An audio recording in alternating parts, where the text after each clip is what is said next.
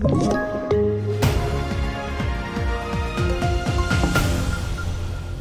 TV4-nyheterna börjar med att USAs ex-president Donald Trump åtalas för hanteringen av hemligstämplade dokument efter sin tid i Vita huset. Det sa Trump själv i natt, svensk tid, via sociala medier. Justitiedepartementet har ännu inte bekräftat åtalet och det är heller inte känt när en eventuell rättsprocess kan äga rum.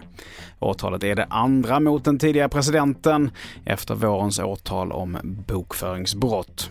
Så till Sverige, där en tonåring nu är anhållen misstänkt på sannolika skäl för mord efter att en 15-årig pojke dött i närheten av Älvsjö station i södra Stockholm. Enligt uppgifter till TV4 Nyheterna ska den misstänkte vara jämnårig och att de båda skulle varit på väg till skolans avslutningsbal. Men polisen vill inte säga om offret och den gripne känner varandra sedan tidigare. Till sist idag så kommer det första åtalet i Sverige om terrorfinansiering av PKK. Och så här säger Paul Levin som är chef för Institutet för Turkiets studier om läget inför NATO-mötet i Vilnius om en månad. Nu efter det turkiska valet så har inte Erdogan samma eh, sårbarhet om man skulle vilja släppa igenom Sverige. Han kan inte bli utmanad från eh, högerut så att säga. Eh, och dessutom så ser vi nu en hårdare press från andra NATO-medlemmar på Turkiet. Fler nyheter hittar du på tv4.se. Jag heter Mattias Nordgren.